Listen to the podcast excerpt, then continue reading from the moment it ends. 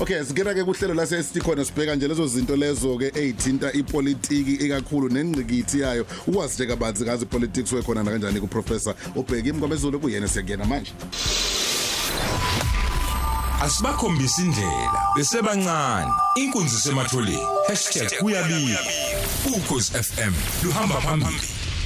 Imbiko, isiphakamiso, imbono nezithembiso okungenzeka sivele kule ngxoxo. Akuzona ezomsakazo ukhozi FM nenhlangano iSABC. Ukhozi FM luhamba phambili. Vuka uqondeka manzi ngezepolitiki no Solwazi ubheki Mngomezulu dlakadla asikubingelele emsakazweni ukhozi FM. Eh asibingelele sisimroza noma nje iviki siliqala kabi lapha ngalezi gameko zabantu abadutshule emathaveni. Sengixawa ke na umfowethu lapha umhlo uyangithinta. Uthi kube ukwafika la Sri Lanka uzona zonke lezi zinto bezohlanje ikepisi kamengameli aphuma ihambele hayi umhlo uyasimanga Umuntu wesports. Hey madoda nkosi yami. Hey mhlo hayi. Hayi. Ikepisi ngenzeni ikepisi bahlukaniselane ngapha bahlukaniselane ngapha babhukuda abanye akayingeni kwakuyingena leyo. Ikepisi nje ebabona bephethe imali ethi hayi ngiyanibona nina kodwa kufuna ikepisi Yeah. mhlambe nama namasneaker hayi zenzeka izinto Yeah. abazi hey hayibo hayi madoda hayi ngeke. Hayi, Cha, kunzima. okuhlula amadoda kuyabikho.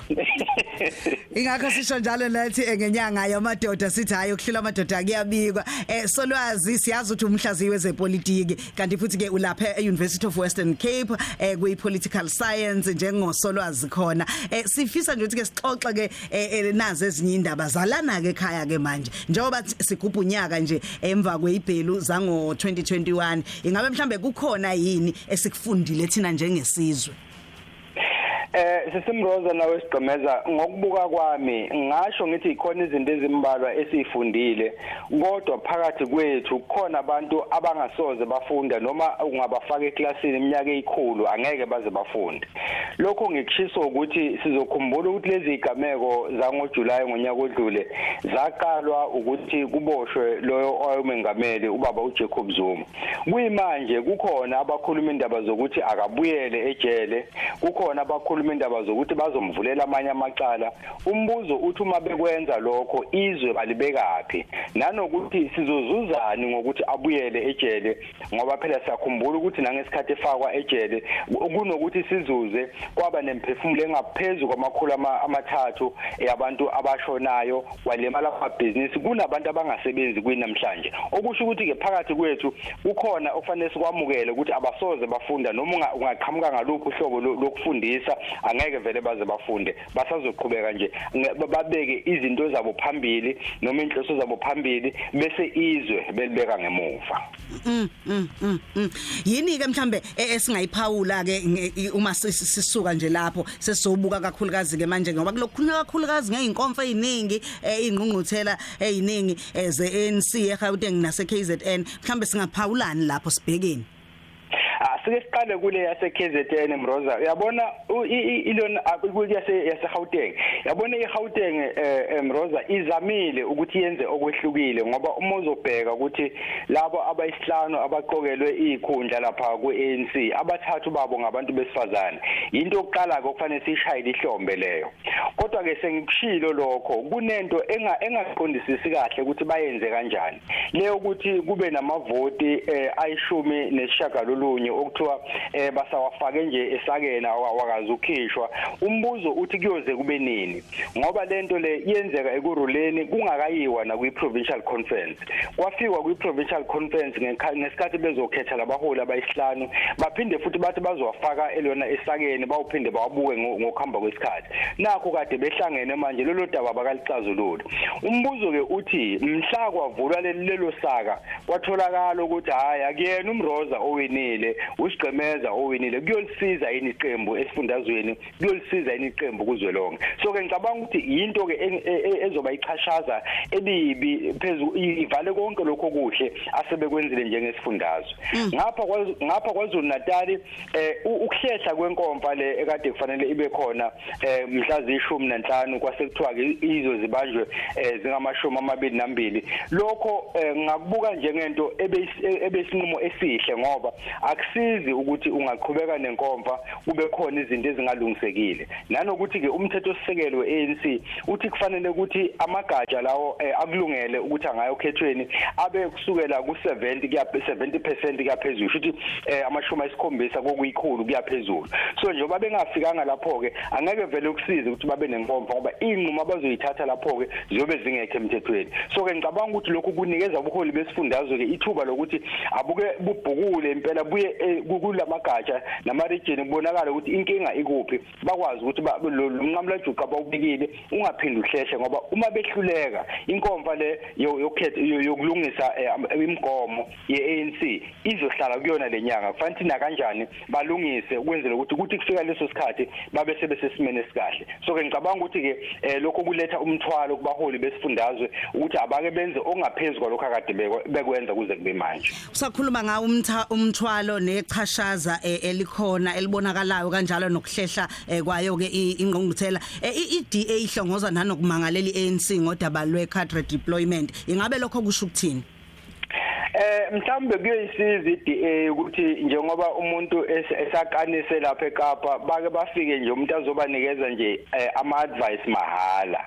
Ukuthi kunezinto ezibaleke kakhulu okufanele ngabe babhekana nazo kunokuthi bawugaxela endabeni zeANC ngoba uma iANC inemigomo yayo inomthetho sisekelo wayo ayekwe iqhubeke nayo. Uma kukuthi kunamalunga eANC angenelisekile ngemigomo yeANC nangomthetho sisekelo weANC kuyilungelo lawo ukuthi akuveze lokho. Kodwa iDA ayingabeke isiyeke izinto okufanele ngabe yayilungisa. Kokhayelisha abantu bahlupheka konyanga bahlupheka kogugulethu bahlupheka. Bathatha isikhathi sabo bayosichitha kweANC bathi bafuna ukubheka ukuthi lento ekheda deployment yeANC ingabe semthethweni yini. Ekubeni nabo benza into efanayo eWestern Cape. Bafike ba- babasikaze abavoti ngabantu abamnyama abantu bavote beyitshela ukuthi abantu abamnyama bazoyithola ikhundla. Emva kwalokho uthole sekugcwele abelungu eh, kwicabinet yase Western Cape kugcwele abelungu kwiFederal Council. Ingabe akuyona inikida deployment leyo? Ngoba kusho ukuthi umehluko la iANC yakwenza kwaba semthethweni iDA ayikwenzanga kwaba semthethweni kodwa yenza into efanayo. Ngic- ngicabanga ukuthi iDA imosha isikhathi sayo nje ngezinto ongafanele ngabe iqhambukela kuzona.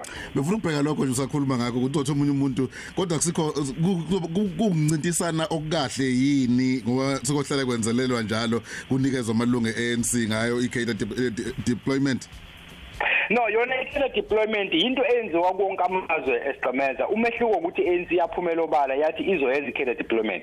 I deployment ayiyona inkinga. Inkinga ukuthi bese kulandwa nje umuntu ongazilutho kuthiwe ngoba i leli liyaziwa alifakwe I- i- ile nto kuphela kufanele ilungise ANC ekutheni ilona ifaka abantu bayo angeke ngikwazi esigqemeza ukuthi ngizothi ngiyinkosi bese ngilanda nje umuntu engazi kahle ukuthi uyisitha sami ngithi akazoba ibodyguard yami Hey. ngoba vele ngizobe ngizimbela igodi kodwa akufakwe abantu abanamava ilelo iphuthe lenziwa i-ANC lifake bonke abantu nje awazi cha lo nami phela ngamhlula lo. Kodwa uze uthole ukuthi usesesikhundleni esiphezulu. Abe udirector weimbiwa phansi. Nakho-ke nakho-ke. Uyazi usa- uh, ake sibuye kodwa size kuyona futhi i- i- iDA eh, ukunqaba kasomlomo isicelo sayo sokuthi kuhlanganiswe ikomiti elizobheka ke u- udaba lwephalapha. Lu- kuhamba kanjani lapho?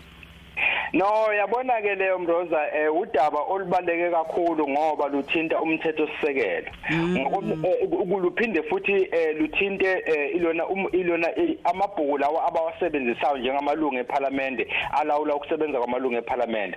Eh kukhona eh, isigaba lapha eh, section 2531B. Leso sigaba leso siyavuma ukuthi usomlomo unalo ilungelo lokuthi akhethe ikomiti lesikhashana ukuze libheke udaba oluthile.